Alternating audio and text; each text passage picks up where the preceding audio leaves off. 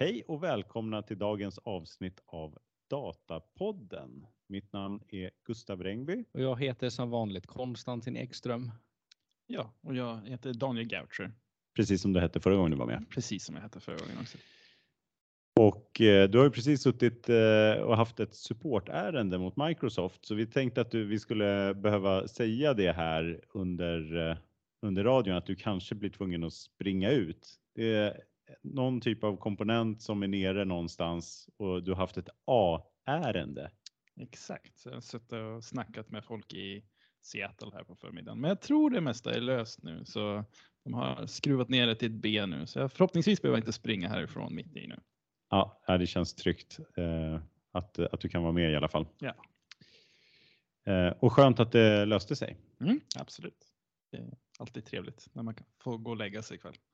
Precis, inte sitta uppe och vänta på uh, supportbitarna. Yes. Uh, ska vi köra igång på en gång? Konstantin? Ja, Husqvarna. Jag hittade en intervju med Husqvarnas CIO Pavel Hajman om hur det trimmar dataflödena från 3 miljoner uppkopplade verktyg. Så den här frågan är verkligen mitt intresse. Och Husqvarna, ja, de har ju tillverkat väldigt många olika typer av produkter genom åren.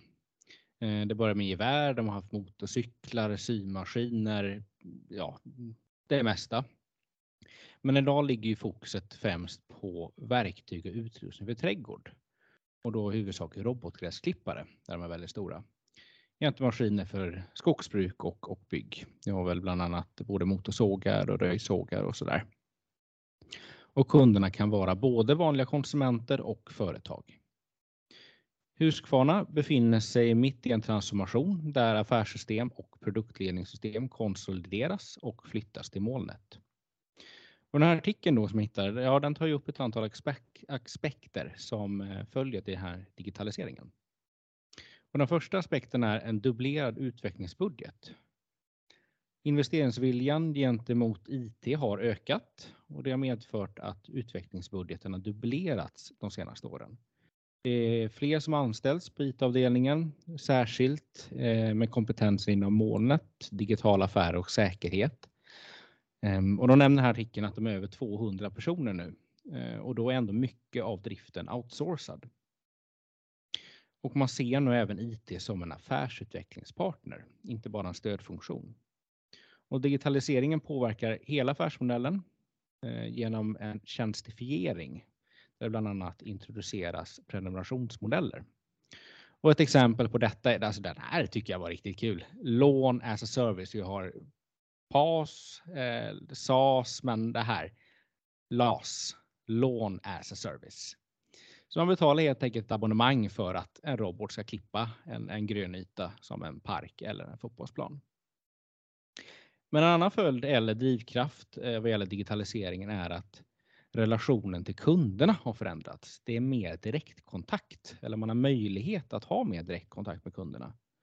Och Pavel säger det här att eh, man kan skapa mervärde genom att eh, exempelvis komma med råd när det är dags att beskära. Eh, men att möta kunderna är samtidigt utmanande eftersom bolaget vänder sig till både privatpersoner och proffs. Ehm, Även om Husqvarna inte har en uttalad cloud first strategi så ehm, medger man ändå att det i praktiken har blivit så eller är så. Bolaget tar in data från ungefär 3 miljoner uppkopplade verktyg vid sidan av data från ja, den interna, alltså tillverkning, distribution och försäljning. Och vad som går att utläsa är att bolaget har valt att decentralisera eh, approachen i sin datahantering. Så en struktur är skapad som innehåller här, hur datat lagras och tillgängliggörs. Och därtill nämns att en datakatalog har skapats för att förstå vilken data som finns. Utvecklingen sker även den decentraliserad ute på respektive division. Och Pavel säger här att det har dataansvar ute i verksamheten som ser till att de får den data som de har behov av för eh, analys och skapandet av tjänster. Och här nämns också en tjänst som har skapats som heter Hugsi som är en AI-driven tjänst baserad på satellitdata som rankar olika stadsområden i världen efter hur gröna de är. Ehm, och så här, efter hur stora grönytor som finns. Ja, vad säger vi om detta? Ja, det är ju som sagt lån as a service. Ja, Vilken grej. man blir nästan sugen på att beställa. Vi har ju liksom, software as a service är ju den, eh, den vanliga. Mm. Men här kan verkligen, det är lätt att man ser skillnad då, för, för om, eh, om man skriver med små bo- bokstäver så ser det ju ut som IaaS, Infrastructure as a Service. Det kanske är den absolut vanligaste ändå med datacenter egentligen. Mm. Man köper in sin server i ett datacenter. Det är väl egentligen helt i linje med hur världen är på väg nu. Allting blir en tjänst som man betalar per månad. Om man tittar på liksom Tesla, de har ju sin eh, heated chair as a service. Att man Mm. får ju betala en månadsavgift, eh, ett abonnemang för att kunna värma sin stol i bilen. Liksom. Det känns som att allting här i världen är på gång bort från att man har köpt någonting som man äger och får använda till att man betalar en månadsavgift helt enkelt. Och sen löser de andra sakerna åt det. Kanske skulle döpa om detta till anything as a service. Mm. Ass. AS. As. Ja, nej, eh, inom försäljning och marknadsföring så brukar man ju prata om leads as a service. Mm. Det är ju konkurrerande då med lån as a service. Då är frågan vilken är, kommer liksom catch on? Tror ni? Vilken kommer bli mer vanlig? Jag skulle nog gissa på leads om jag ska vara tvungen att gissa på det. Du tror att det finns mer leads än gräsmattor i världen? Ja, Ja. Ja, det jag tror- tänker att många är så stolta över sina gräsmattor att de vill gå och klippa dem själv. Liksom. ja. Det, är, det är en stolthet bland många att ja, men jag var ute och klippte mitt gräs nu på morgonen. Så jag vet inte om man vill hyra, hyra in externa för att ta hand om det. Här nog emot på stora delar av världen tror jag. Förra veckan pratade vi om att eh, databehoven, visst var det förra veckan, Technavio, som du Konstantin Ja, upp, att, precis. eh, Exakt. de väx, man liksom, databehoven växer eller datainvesteringarna Mm. växer med 27 procent de närmsta fem åren framåt i världen. Det här, och det var ju mycket på grund av IoT. Eh, Husqvarna här är väl verkligen ett mönsterexempel på varför. Ja, det blir det verkligen. Här, nu har vi liksom caset som visar, ja men här är det, så här är det. Mm. De kommer öka kanske mer än 27 procent kan man väl misstänka Mm. också, Husqvarna. Mm. Men medlet drar de upp till 27 procent. Men betyder det här då att Husqvarna kommer ha makt att styra över alla gräsklippor här vi har? Det börjar låta lite som Skynet tycker jag ändå. Liksom, de börjar med gräsklipporna. De kan ju liksom köra på folks fötter. Och, Ja, det är riskabelt. En riskabel framtid när vi börjar ge över makten på våra gräsklippor till stora företag tror jag. Ja. Det blir, eh, det blir liksom nästa steg. Det är inte bara eh, gräsmattan som du kan få fixad Ja, utan eh, det är en jobbig svärmor också. ja, Som ja. du kan en plats under gräsklipparen Ja. Eh, dataansvariga för varje division som kravställer mot IT. Men det låter ju lite i linje med vad vi har talat om tidigare här med dataambassadörer och sådär. Mm. Så Är det låter det- väl ändå fullt rimligt. Ja. Mm. Har ni eh, stött på liknande upplägg eller brukar det vara oftare att man har en dataansvarig? Det här är ju, Husqvarna är ju förstå, förstås ett stort eh, bolag. Med, det är ju en koncern med Mm. helt olika arbetsområden då i de här olika företagen. Brukar man ha en dataansvarig per eh, bolag eller vad är er bild?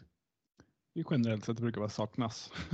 Saknas helt och hållet. Helt och hållet borta. Nej, men det brukar vara många som har olika ansvarsområden. Mycket. Nämner här i slutet eh, kompetensbrist. Det är Mm. ett stort problem. Det känns som en ganska generell, eh, generellt klagomål. Mm. Eh, Och det är ju det vi märker när vi är ute och arbetar också. Att det största problemet som finns i vår marknad just nu är att det saknas väldigt mycket kompetens inom det vi håller på med. mm. Speciellt när marknaden ändras så himla mycket det har gjort nu de senaste åren i och med att cloud har kommit till och Mm. eh, allt runt omkring. Så det vi lägger mer- pratade för något, vad Niklas var med och pratade någon gång om Ja. eh, inflations, kompetensinflationen, att den var nere på och så här två år, Ja. två till fyra år eller något Mm. sånt där. Från att ha gått från, att Ja. gått från över 10-15 år. Mm. Vad exakt betyder det? Alltså att varje två till fyra år är det något helt nytt man måste kunna? Ja, men en, Det var, det blev väl hälften så värt ja cirka precis. två år. Ah, okay, Så att det du har lärt dig, det är borta med vinden. Ett litet tag. Så allt det här med fem års erfarenhet inom något område är helt onödigt nu för tiden? Ja, det blir, du får liksom halvera det där så du hamnar ändå alltid på två och ett halvt år. Okay. Det gör detsamma hur många år du har eh, eh, erfarenhet av. I alla fall till den tekniska biten kan man tänka sig. Ja, precis. Det finns väl, vi, vi pratar väl om det också, att eh, det finns viss typ av kunskap som kanske ligger kvar. Men då blir det så roligt att en del kunskap blir så nyupptäckt. Som modellering som vi Ja, just det. snackar om här. Liksom. Den, den har man hittat igen, den var ju bortglömd. Ja. Ja, det, är, det finns fördel med det. Det är alltid den där glädjen att få uppleva det där, uh, the thrill of uh, learning. Mm. Bra. Ska vi gå vidare? Ja. Daniel? Ja, eh, jag brukar ju som, som har varit med länge vet, eh, vara här och ta de lite mer tekniska puckar när det dyker upp några nya nyheter runt Azure, eh, Synapse, Power BI och de där bitarna. Eh, och idag tänkte jag skulle prata lite, det är inte någon ny feature riktigt så, eh, men Microsoft eh, har lagt ut, eller ska jag säga, Amanjeet Singh som är tillhör eller som är program manager i Azure Synapse Customer Success Engineering Team har lagt upp en bloggartikel lite hur man ska se på eh, Synapse kontra Data Mesh. Data Mesh är ju den här modelleringstekniken som det är väl det stora nya som man har hört här senaste året. Eh, det har väl fått nästan lika genom stort genomslag som Big Data fick här för typ tio år sedan i hur mycket man pratar om det i alla fall. Jag vet att det har varit en topic vi har diskuterat här på podden tidigare. Eh, men kort och gott så handlar det ju om att man ska splitta upp Eh, sina delar av sin lösning i olika affärsdomäner. Eh, så till exempel finans får sin egna lilla dataprodukt. Eh, sälj kanske får sin egna lilla dataprodukt och så vidare och så vidare. Men de pratar väldigt mycket också om att det är ganska tidigt för data mesh. Så det finns ju ingen sån här så här gör man. Det här är det här är the pattern to follow så att säga. Det här är best practice. Eh, så i den här artikeln så pratar han väldigt mycket om hur man ska titta på att bygga data mesh med Synapse.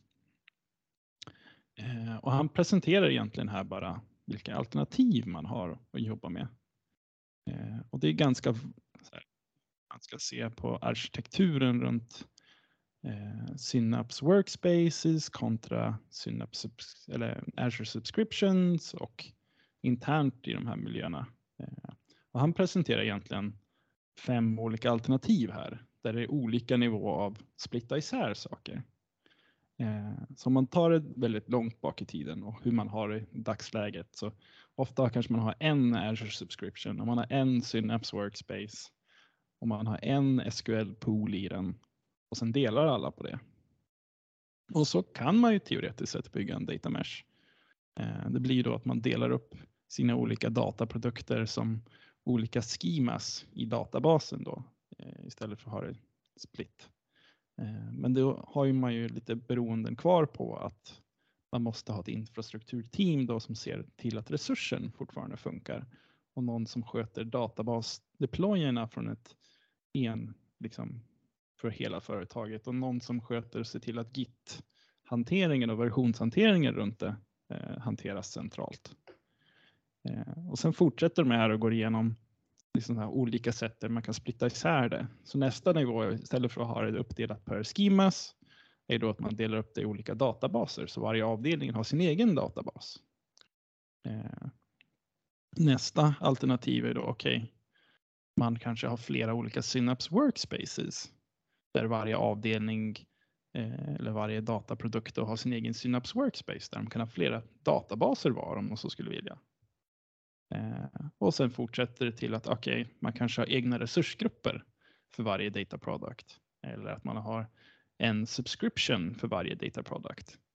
Och då blir hela tiden det här att man tvingar att varje sån här datateam då ska göra mer och mer av infrastrukturen var och mindre eh, hanterat från central eh, Liksom att man går ifrån helt från att ha ett centralt infrastrukturteam. Eh, det här är ju väldigt intressant också, liksom, för det, eh, det är ju väldigt trevligt som utvecklare att kunna göra allting som man måste göra för att hantera sin egna lilla eh, sin produkt eller sin sin paketering. Att man, om man liksom i mitt lilla team kan jag driftsätta när jag vill. Jag kan eh, göra min egna git-hantering. Det blir inga beroenden till något annat team som också ska få ha, ha tid att eh, hjälpa mig fixa det jag ska göra. Ehm, så det är det här de pratar mycket om i den här artikeln och jag tycker det är, så här, det är mycket här inne som är skrivet med tanken på data mesh runt det. Ehm, men det är också mycket bra tankar runt hur man bygger en infrastruktur i Azure, punkt slut. Ehm, till exempel så här, okej, om man tittar tillbaka och inte kör data match, om man kör lite mer enterprise arkitekturellt, liksom okej, jag kanske har Laken som en egen dataprodukt. och kanske har DV som en egen dataprodukt och splitta isär dem i helt olika Azure-miljöer. Eh, för det gäller ju när man börjar bygga här att titta på, okej, vilka ska ha access? Vilka är det som ska hantera den här miljön? Vilka är det som ska deploya? Eh, hur vill jag splitta ehm, vem som har ansvar för var här inne? Och om man då från början splittar isär det lite mer, då kan man, okej, i värsta fall har man ansvar för kanske två olika miljöer. Men man har möjligheten att ge bara access till det folk faktiskt behöver.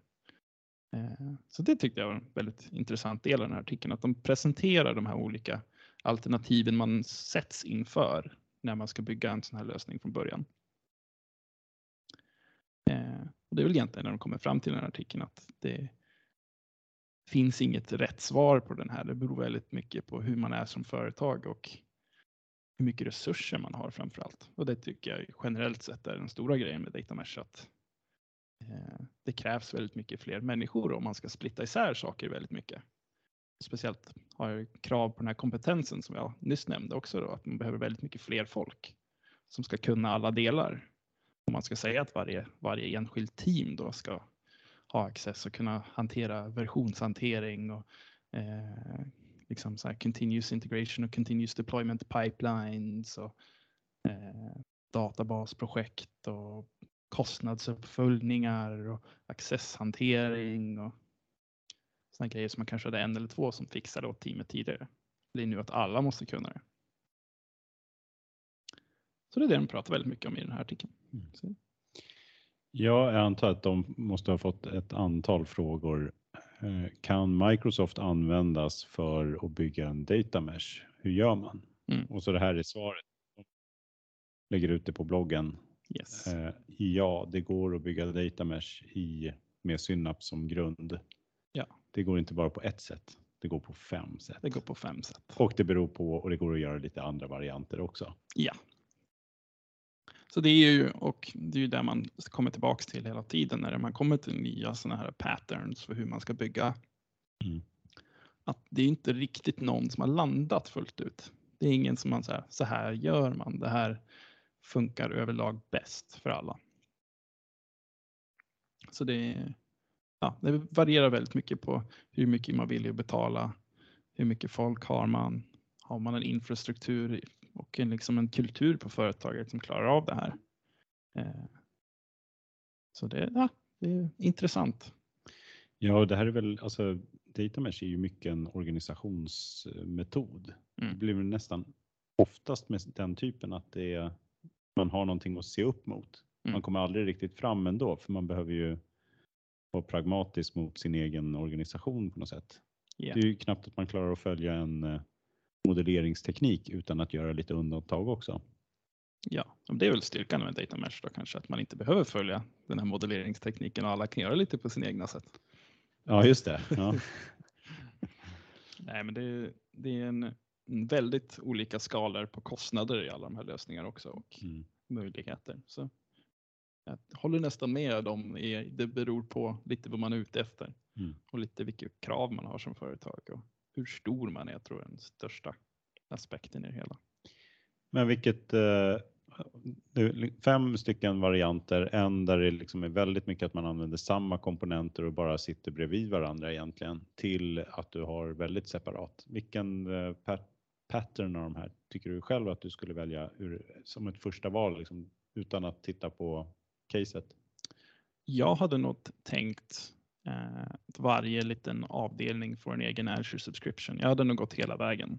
Det sista alternativet de pratar här inne och säga okej, okay, ni i den här avdelningen, ni får er egna Synaps, egen subscription och styra över den själv. Eh, försök, ska, man, ska man köra på data mesh så tycker jag man ska köra fullt ut. Säga, du vill vara fri som en fågel? Jag vill vara fri som en fågel som en utvecklare. Men vi bygger våran komponent och så får de andra teamen bygga sina komponenter och mm. ta bort så mycket eh, interna beroenden som det bara går. Mm. För annars blir det alltid det här bråket med men vi måste releasa en sak. Och sen har man det andra teamet som, ja men vi har just tryckt ut en liten bit av koden som måste testas ett par dagar innan det går att releasa den. Den här synkroniseringen som blir då man splittar upp folk i massa olika team. Mm. Har jag sett hos några kunder, man är att liksom, det, det är där svårigheten oftast landar. Ja. Eh, fem sätt att bygga på, men hur många kommer behöva ett data mesh i Sverige? Tre. Tre. Tre. Det kommer inte ens bli. jag vet inte. Jag tycker Nej. den är en så svår fråga att, att svara på. Mm. Eh, mina här, grundtankar studsar väl tillbaka till att jag tycker inte vi har så mycket företag i Sverige som är så pass stora där jag tror det här kommer funka. Eh, jag, generellt sett så kommer alltid tillbaks till mitt huvud att vi har för lite människor som är duktiga på det här mm. för att det ska gå att splitta isär det. Och majoriteten av företag, i alla fall inom Stockholm, som håller på med BI, det är inte så stora BI-team att man har råd att kanske splitta de här fem, sex personerna i sju, åtta avdelningar. Mm. Och sen ha den här kunskapsöverföringen för att kunna liksom ha kvar kunskapen när någon slutar på ett företag. Vilket också händer väldigt ofta, liksom att ja, man tappar en människa eh, till något annat företag och då har man någon, liksom fem, sex andra i teamet som är kvar som har mm. koll på lite olika delar av lösningen. Men Om man har tur. Det är, inte, det är inte jättemånga som har fem pers ens Nej. på sin eh, datalösning. Exakt. Men om du då splittar isär det ännu mer och säger ja, det finns en mm. eller kanske två personer som kan en avdelning. En och två, två personer kan sluta väldigt nära varandra. Det har man sett många gånger. Ja. Då blir man ju helt, liksom, ja. helt ja, borta precis. med all info. Ja, de, de tar väl upp här lite grann i artikeln också ett antal olika, liksom, vilka komponenter du behöver och lite grann kring kraven som ställs utifrån att man ska följa data mesh. Mm. Uh, att du ska ha, du har ju SQL och du ska ju presentera data, du ska lagra data på ett visst sätt enligt uh, liksom, hur en dataprodukt och det ska vara bitemporal säger de. Ja, det beror helt lite på Eh, hur man designar datat skulle jag nog säga. Ja, de säger, eh, alltså bitemporal är att man ska lagra då, de definierar i artikeln som att du ska lagra både när du får reda på någonting, när det processas datat och mm. liksom affärs, eller datumen. Det ska finnas två datum hela tiden. När mm. ett, ett som visar när affärshändelsen har registrerats och en när du får reda på att det har hänt. Mm. Ungefär som ja, men du har en order med ett orderdatum. Då ska du också ha ett datum när du liksom fick reda på den här mm. datumet. Klassisk, klassisk eh, metakolumn, created date eller mm. liknande. Liksom. Mm. Eh, jag skulle säga de, de bitarna som de pratar om gällande där är ju saker som gäller för alla data warehouse arkitekturer. Men hur gör man det i en data lake då? Om man behöver bitemporal? Är det kört då? Nej. Måste man ha en databas? Du kan köra i, om du till exempel använder Delta Lake som vi pratat om här mm. tidigare avsnitt. Du kan inserta en metadatakolumn när du håller på att skriva data dit. Du kan lägga till modified data med ADF när du laddar från källan. Liksom. Det finns många olika lösningar på hur du kan få till att du har båda de här datumen. Men det kräver kanske eh, åtminstone Delta Lake. Man kan inte använda vanliga filsystem va? Eller, du kan använda vanliga. Då får du lägga till ett datumfält i, eh, eller kanske räcker att ha det på filnamnet så har du egentligen en Ofta på de flesta källorna nu för tiden i Data Factory så kan du lägga till en så kallad additional column där du kan säga klockslaget när eh, ADF då konsumerade datat. Eh, så som sagt, ja, det finns, finns många olika lösningar på hur man får in det där. Eh, men det är, jag skulle säga, det är allmänt bra att ha oavsett om du kör data mesh eller inte. Mm. Att veta när datat kom. Ur bara ett debug-syfte är det väldigt trevligt att ha koll på varför ändrades den här informationen just nu Ja. när man sitter och undersöker. Men du tog upp eh, att man kanske har behov att eh, göra den här uppdelningen oavsett om man följer data mesh, Mm. fast snarare liksom en enterprise-lösning men olika lager. Ja. Kan du ge exempel på vad, när, Eh, när ja, man bör ja, göra det? Jag skulle säga så fort man har en lake så ser jag att det borde man se som sin egna dataprodukt. Eh, och säga okej, vi har en lake. Det är en produkt. Vi har en, ett data warehouse på toppen. Det kanske är en annan produkt. Eh, hela beror ju väldigt mycket på, okej, är det samma personer som ska förvalta de här två lösningarna? Och ska lösningarna ha en gemensam livscykel? Liksom? Ska, när vi driftsätter laken, ska vi driftsätta DVt också? Kanske inte. Eh, är, kommer alltid vara samma personer som bygger på de här två lösningarna. En lake kan ju till exempel vara väldigt mycket användas för icke BI-relaterade grejer. Mm. Som man har ett integrationsteam som kanske ska bygga flöden från system till laken. Men man vill inte att de ska ha några liksom, arbeten som påverkar data warehouset som ett annat team sitter och jobbar på. Mm. Eh, så jag är väldigt mycket för att när man ser att två olika komponenter är helt separerade i vad de håller på med, eh, förutom kanske ett beroende som är okej, okay, DVet kanske måste kunna läsa från laken. Då sätter man upp det som en interface mellan sina två dataprodukter. Eh, och sen splittar man isär dem helt enkelt.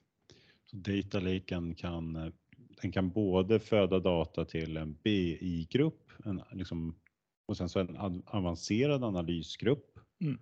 Men också för att, och, liksom, rent systemlösningar också. Mm.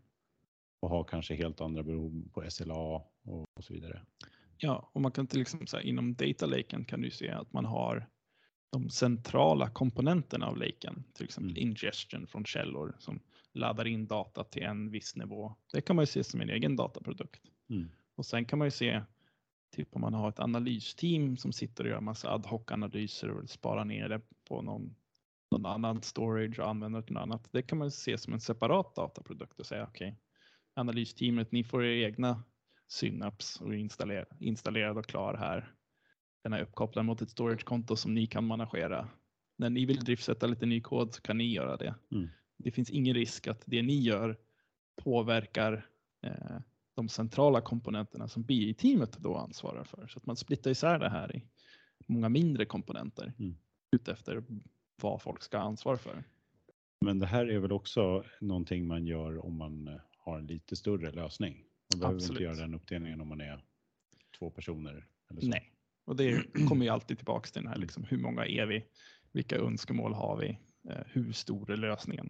För som du säger, om man har två stycken personer som sitter i BI-teamet, de kan nog prata med varandra. Ja. Är man 15 eller 20, då blir det svårare med den här att koordinera alla sina aktiviteter och alla releaser och alla ändringar som ska ske.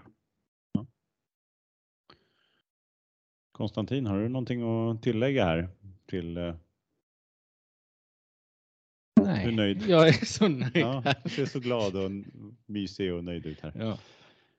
Ska vi gå vidare? Ja, kan vi göra. Mm. Då kör vi sista artikeln då. Nu ska vi bli mycket mer, det här var ju väldigt tekniskt då. Så vi började med eh, affärer och så körde vi det tekniska och nu går vi tillbaka till lite mer affärssidan igen då. Och då är det en artikel eh, på tellius.com.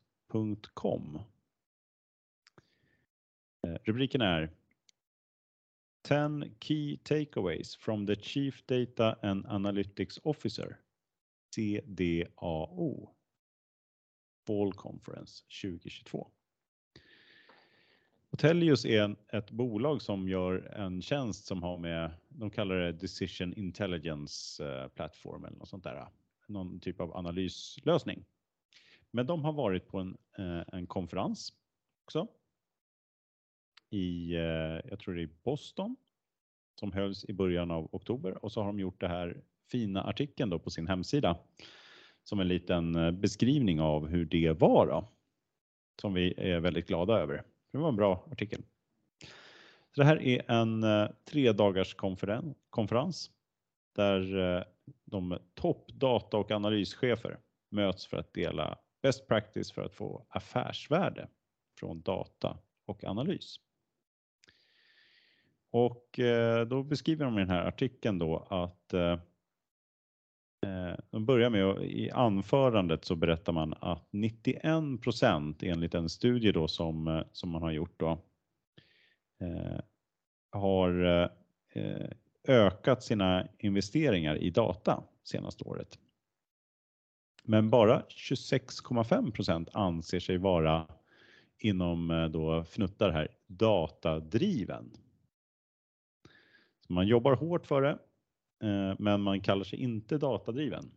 Det kanske visar på någon slags eh, att man inte vill ta åt sig ära här, eller så tycker man att man har långt kvar. Eh, jag kan säga att det, det var en som de kör, körde som en öppning här i alla fall.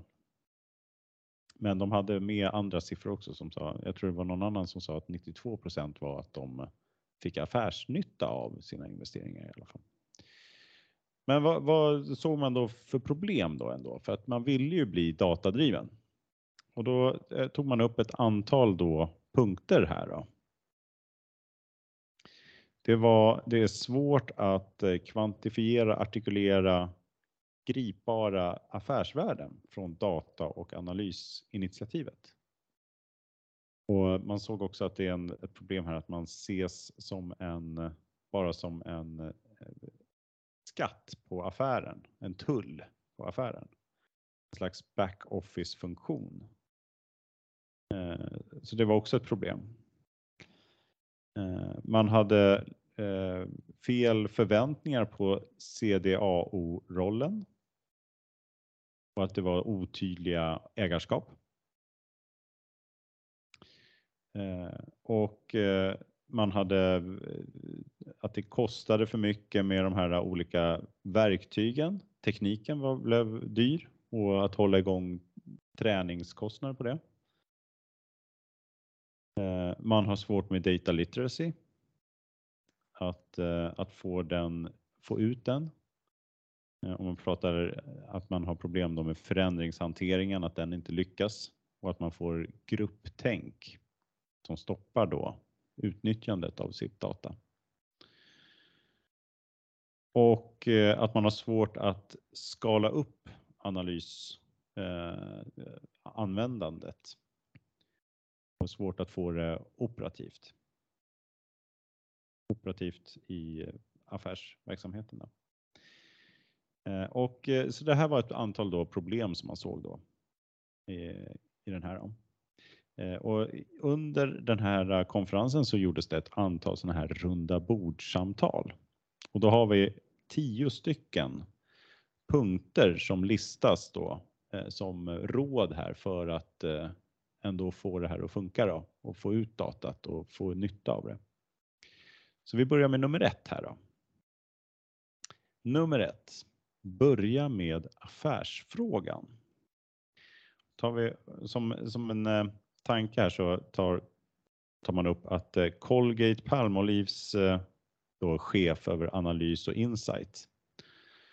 Så propsa på att analysteamet ska börja med affärsfrågan för att eh, länka ett initiativ till resultat eller strategisk riktning. Så det ska vara tydligt vad det är man försöker uppnå med, den här, eh, med sin analyssatsning. Då. Det ska vara direkt kopplad till vad man vill uppnå med företaget. Inte bygga verktyg som ingen förstår. Och undvika bygga dashboard som få har nytta av. Så det är det absolut viktigaste. Börja med affärsfrågan. Nummer två, artikulera värdet. Så då beskriver de här att ett hett ämne här under den här konferensen, det är att beskriva värdet. Och eh, det var till och med så att det dök upp en liten rolig strip här, seriestrip som CDO från Morningstar delade i ett runda bordsamtal. Eh, nu ska jag försöka beskriva det här skämtet och seriestrippen, ska vi se om det funkar. Då har man en CDAO och en CEO som pratar. Så säger den här eh, analyschefen då. Eh, vill du bli en datadriven organisation? Och då säger CEO ja, det vill jag. Eh, Okej, okay. det kommer kosta så här mycket, svarar Chief Data Officer då, eller Chief Data Analytics Officer. Och eh, då säger CEO, eh, ja men vad, vad kommer det ge mig då? Och då svarar CDAO, en grafdatabas, lite coola grejer i molnet och etc. Och så CEO säger nej. Ja, den var ju rolig. Ja, grafdatabaser. Helt fel att säga till CEO. Ja, men man ska beskriva värdet istället för ingenjörsbriljans här. Eh, och inte förklara, liksom förklara dataanalysinvesteringar som riskminimering. Alltså varför bygger man på rätt sätt? Och liksom varför det visa, och visa på kostnadsbesparingarna istället för att bara framhäva data mesh eller data fabric eller de här coola grejerna. Uh, en eh, uh, CDAO menar att det är svårt att kvantifiera värdet av masterdata-hantering. Och uh, menar att ett sätt att komma åt det här med värdeartikuleringen är att försöka göra före och efteranalyser hela tiden på olika satsningar så att man kan visa på det istället för att bara visa upp de här tekniska orden.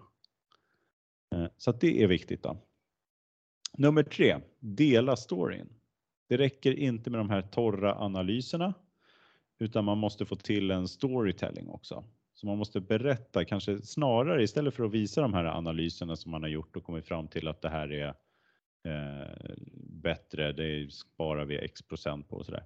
Så kan det vara bra att berätta om ett lyckat projekt istället och marknadsföra det internt. Och, och det blir ju då eh, viktigt då med den här förändringshantering, kommunikation och, och stories. Tar man upp då. Nummer fyra. Balansera attack och försvar. Kan man fråga vad det här är för någon eh, tanke då? Eh, men det här är, då försöker de definiera här attack är, eller offens är att då hänge sig åt aktiviteter som är intäktsbringande, att skapa nya kunder och så vidare. Eh, och att försvar är här att snarare då att hänge sig till att reducera kostnader och minska risker. Och, eh, och eh, de konstaterar här att man ska försöka då syssla med båda, inte bara med den ena utan försöka ta lite på båda sidorna här. Men tog upp också att det är olika i olika branscher.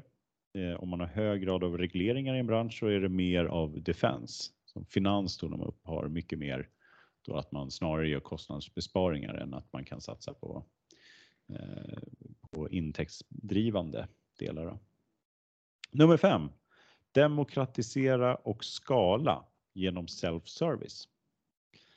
Eh, och eh, här var det en chef på företaget Verizon som eh, frågade sin analysavdelning om de kunde ta fram en specifik viktig statistik. Och den här analysavdelningen svarade ja varje gång när han ställde frågan om, eh, om eh, någon typ av information. Då. Men eh, när, när han istället frågade, ja men kan någon annan ta fram den här viktiga statistiken till mig? Så fick han snarare då ett vet ej svar. Och, och det här var någonting som de punktmarkerar då. Att det ska inte bara vara analysavdelningen som kan svara ja på allting. Utan det måste till att andra kan svara ja på den här typen av frågor. Eh, men man konstaterar också det här med att skala, så self-service blir en viktig del att skala. Att, all, att flera ska jobba med analyssiffrorna istället för bara analysexperter då. Eh, och det blir ju väldigt viktigt att bygga då eh, så att det är enkelt. Så att man sänker trösklarna då för datat. Men också att man, eh, ja, man ska undvika då också att bygga flera lösningar. var någonting som man också kom fram då i de här runda bordsamtalen. Nummer sex. Kör snabbt. 80-20 regeln. Eh, så att man ska satsa på good enough. 20% av en fullständig analyslösning löser 80% av problemen. Och det är den delen man ska satsa på. Och eh, här kommer en liknelse till då. I, och lite grann efter marknaden här att vi har, eh, nu har vi en björnmarknad på väg in här. Så en, en eh, som sa, i en björnmarknad behöver man inte springa snabbare än björnen. Man behöver bara springa snabbare än den som blir tagen av björnen. Mm. Det är djupa ord här. Stämmer ju. Ja, det stämmer. Nummer sju. Samarbeta och produktmentalitet pratar man om då. Och, och, här vill man framhäva att man ska se då ett samarbete och bryta ner silos. Eh, och att man inte ska, en affärsanvändare som bara slänger all, hela problemet på analytiken som i sin tur slänger alla problem på IT, utan man måste liksom jobba tillsammans här för att få fram affärsnyttan. Och man ska snarare se den här analysen som någon slags produkt då, eh, som både kan serva då interna och externa kunder. Och så ska vara ett tydligt ägarskap. Eh, nummer åtta, promota data literacy. Det här såg man som en väldigt viktig del här att, eh, att få upp data literacy. Då. Och man pratar om eh, några punkter då som man behöver göra. Det är att avmystifiera jargong. Det får inte vara för krångliga ord här, liksom vad är analys och KPI antar jag och så vidare. Förenkla koncept. Man ska inte liksom komma åt en massa konstiga filer. Man ska ha liksom ett enkelt upplägg. Det ska vara väldigt enkelt att förstå eh, den här lösningen som man ska försöka analysera. Och så ska man hålla träningssektioner. Eh, man pratar om upskilling på nya verktyg. Är lite coolt ord också. Akademier. Det var ju de vi inte skulle använda va? Nej, precis. ja, men det här kanske är från verksamhetssidan, då är det okej. Okay. okay. Eh, det är de tekniska orden som är dåliga. Eller så, jag vet inte. Akademier för affärssidan. Så det ska vara en del av liksom i, i affärssidan att man går, att det finns liksom ställen där man kan eh, läsa på det här. Då. Så ska man införa data stewards och data ambassadörer. Eh, och gärna då också månadsvisa forum för både datagruppen och verksamheten när man sitter tillsammans. Nummer 9. Etik och dataansvar. Då ska man också ställa sig frågan här. Eh, vi kan göra så här, men bör vi göra så här? Och säkra att man inte har liksom eh, eh, bias i sina statistiska modeller. Så man måste tänka efter lite grann innan man, innan man gör det. Nummer 10. Den sista då. Håll det mänskligt. Och då ska man då komma ihåg att det inte är enkelt att förändras alltid. Man förändras inte bara, man presenterar lite fancy math som de säger. Utan man måste arbeta mer empatiskt. De kallar det för deep empathic. Eh, Med förändringshantering då. Building models is easier than driving real change. Så det var alla de här tio råden som de eh, anger att man, eh, liksom det här är råden då som de här eh, runda bordsamtalen under den här tre dagars konferensen i Boston har givit oss då. Och så det, det, var från en, en, utöver det här då så var det ju tre dagar, 55 talare och 80 sessioner. Och då finns det några punkter som de vill ge utifrån den delen också. Det är svårt att sammanfatta allt det. Men då vill de ge någon typ av eh, någon slutsats från dem också för, för oss då CDAOer, eller vad man ska säga, analyschefer. Mm. Oavsett bakgrund, lär dig domänkunskapen och hur organisationen tar beslut. Det var en viktig del. Visa empati, den dyker upp igen här. Och så gäller det att få förtroende för beslutsfattare och kunder. Lägg tid på att bygga dessa relationer. Glöm inte bort att vara på de här forumen kan man väl säga. Så att man, eh, så att man har koll på dem, på de som ska använda datat. Var ödmjuk. Du är inte smartast i rummet. Kanske du är smartast i rummet, men. Alltså någon är ju alltid smartast ja, i rummet. precis. Men det, det, här är till oss andra. Ja.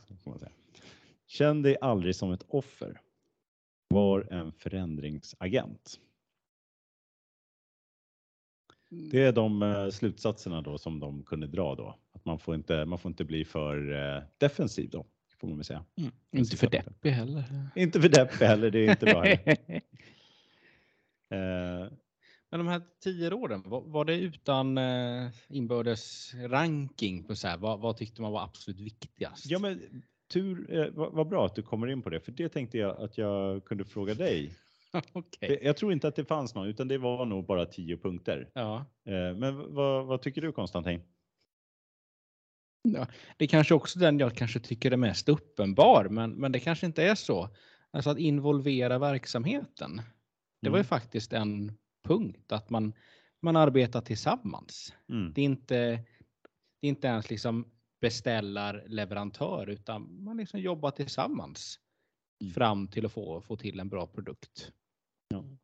Jag tycker oftast det är den biten som är svårast att få till också. För det, man är alltid, man sitter, ja, eh, liksom, okej, du ska migrera den här datan från det här systemet till den här miljön. Det ska vara klart det här datumet, annars kan vi inte lösa alla de här sakerna. Eh, så man hamnar ju oftast som en engineer i systemskiften mer än att liksom kunna lägga tid på att faktiskt hjälpa verksamheten. Så blir det att man sitter där istället och är någon sorts eh, man, ja, man håller på att leverera en väldigt teknisk lösning mycket av tiden. Eh, speciellt nu som vi pratade om tidigare att man har, det finns för lite människor som kan alla de här komponenterna. Eh, så där känner jag själv när man tittar på den här att det är väldigt viktigt det här med self-service, Mm. med dataambassadörer och folk i businessen som tar ett intresse för datat och som kan ta på sig och hjälpa andra med datat.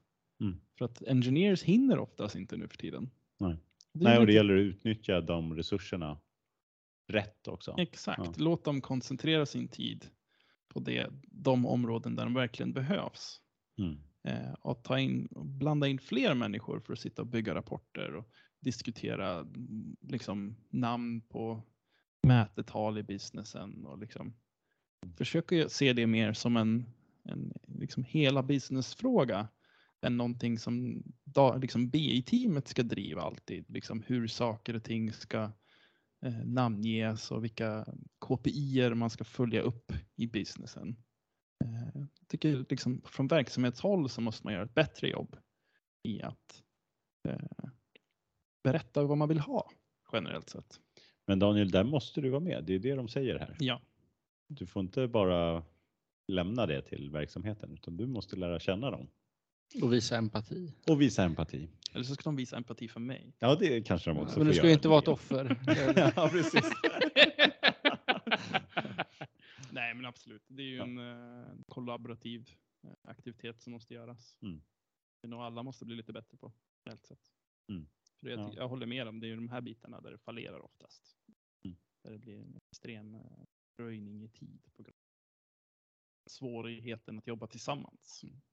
Eller omvänt att det är de där man har ett väldigt bra eh, samarbete med businessen och arbetar med folk som, som eh, kan domänen väldigt bra. Det är, ofta, det är som oftast då de projekten blir som absolut bäst. Absolut. Nej, ja, jag, jag tycker att eh, det, det är uppfriskande att det, det här är det var det viktigaste. Just Mm. att det var affärsnyttorna och liksom, man får väl dela upp det i affärsnyttor, att man ska tänka från vad som ger affärsnytta och att man ska få många människor med i båten, så Mm. många som möjligt och data literacy och, och allt det där.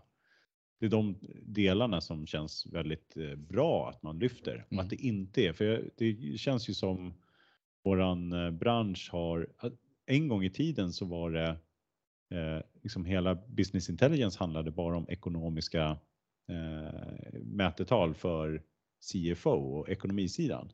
En fördel då, det var att det var väldigt verksamhetsdrivet. Mm. Det, det kunde ju vara så att IT var inte ens inblandad, så det var väldigt verksamhetsdrivet. Med risken då att det kanske var lite sådana här kostnadsbesparingar som undveks också. Nu har ju det blivit så pass viktigt, de här kostnaderna har vuxit så att det blir en IT-fråga hur man bygger dataplattformen istället. Mm. Men vi har kanske tappat lite där också. Mm.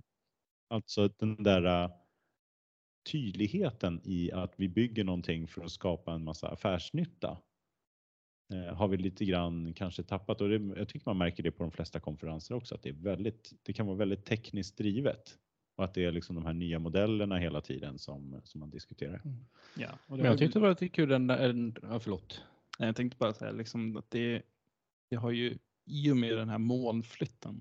Mm. Det känns som att det är det alla pratar om hela tiden. Vi ska göra en resa mot molnet. Mm. Det är ju mer en teknisk förändring än någonting som faktiskt hjälper businessen kortsiktigt i alla fall. Ja, långsiktigt, ja men vi kan skala upp och ta in mer och mer data.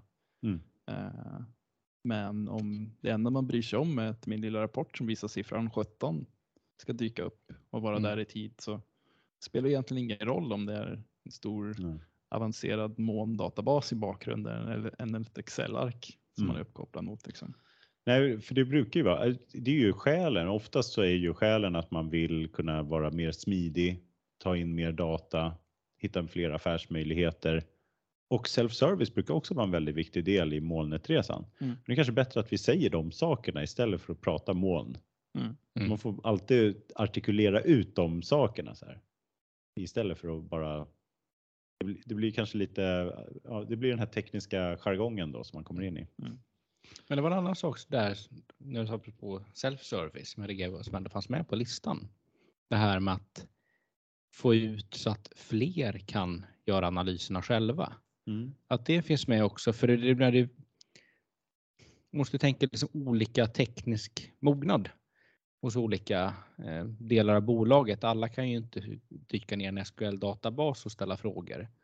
Ehm, vissa, det är liksom ja, men en dashboard, eh, enkel dashboard eller om det ska vara något lite mer halv, halvavancerat. Man kan få ut någon pivot liksom, som man kan dra och släppa och greja. Men att det att man, liksom, man har med det, för det är en enormt viktig del. Mm. Att, eh, liksom att få användningen av det. Mm. Och jag tror det där också det fallerar väldigt mycket hos stora företag. i att Man har gått från för ja, fem, sex år sedan där man hade en biavdelning som levererade rapporter till en. Mm. Och sen öppnade man den här rapporten och tittade på sina siffror och sen var det det man gjorde. Måluppföljning Exakt. rakt Mm. av. Jag hade det, jag, jag fick ut det jag skulle få. Mm. Och nu när jag kommer och ber om min rapport så säger de ta fram det själv.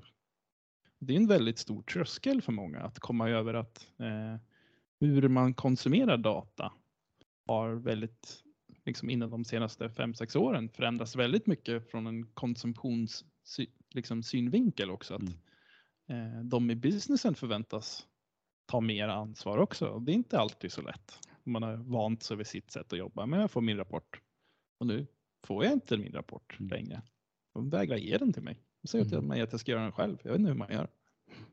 Nej, och det där är väl svårt att bara införa det rakt av för att det var väl ofta att man kanske byggde då så att lagret under var så att eh, om du hade en expertrapportskapare så var det liksom 100 objekt där under som de skulle ha tillgång till. Mm. Du behöver ju tänka om liksom lagret under rapporterna också så fort du så att du inte presenterar 100 objekt sådär eh, om man nu ska bygga sin egen rapport. Mm. Det blir ju en helt annan eh, även på det, på det sättet också. Eh, En eh, intressant sak, vi, jag tror att vi gjorde, vi konstaterade bland våra projekt att vi hade två sätt att som våra kunder brukar tänka på. Så vi gjorde ju en serie med webinars där vi pratade om dem eh, för ett år sedan tror jag. Då, vi kallade det för Enterprise Driven Data Platform och Business Driven Data Platform. Eh, där, där man liksom utgick. Egentligen så är det ju ungefär samma eh, arkitektur man försöker uppnå, men man, man antar sig utmaningen på två olika sätt. Antingen den här kostnadsbesparingen med liksom en stor dataplattform och att man liksom ska tänka. Man har en stor data, man vet att man har massa data och så måste man försöka kostnads, göra kostnadsbesparingar där. Och så den andra sidan är den här affärsdrivna där du tar fram ett affärscase och så gör du liksom en dataplattform för att uppfylla den eller en analyslösning för att uppfylla det då business caset kan Mm. man säga. Eh, Men här skulle vi luta mer åt business case driven som de pushar i den här Mm. på den här konferensen får man väl säga. Mm. Eh, Men båda är ju relevanta tycker jag ändå. Så det, det finns ju inget helt rätt svar här.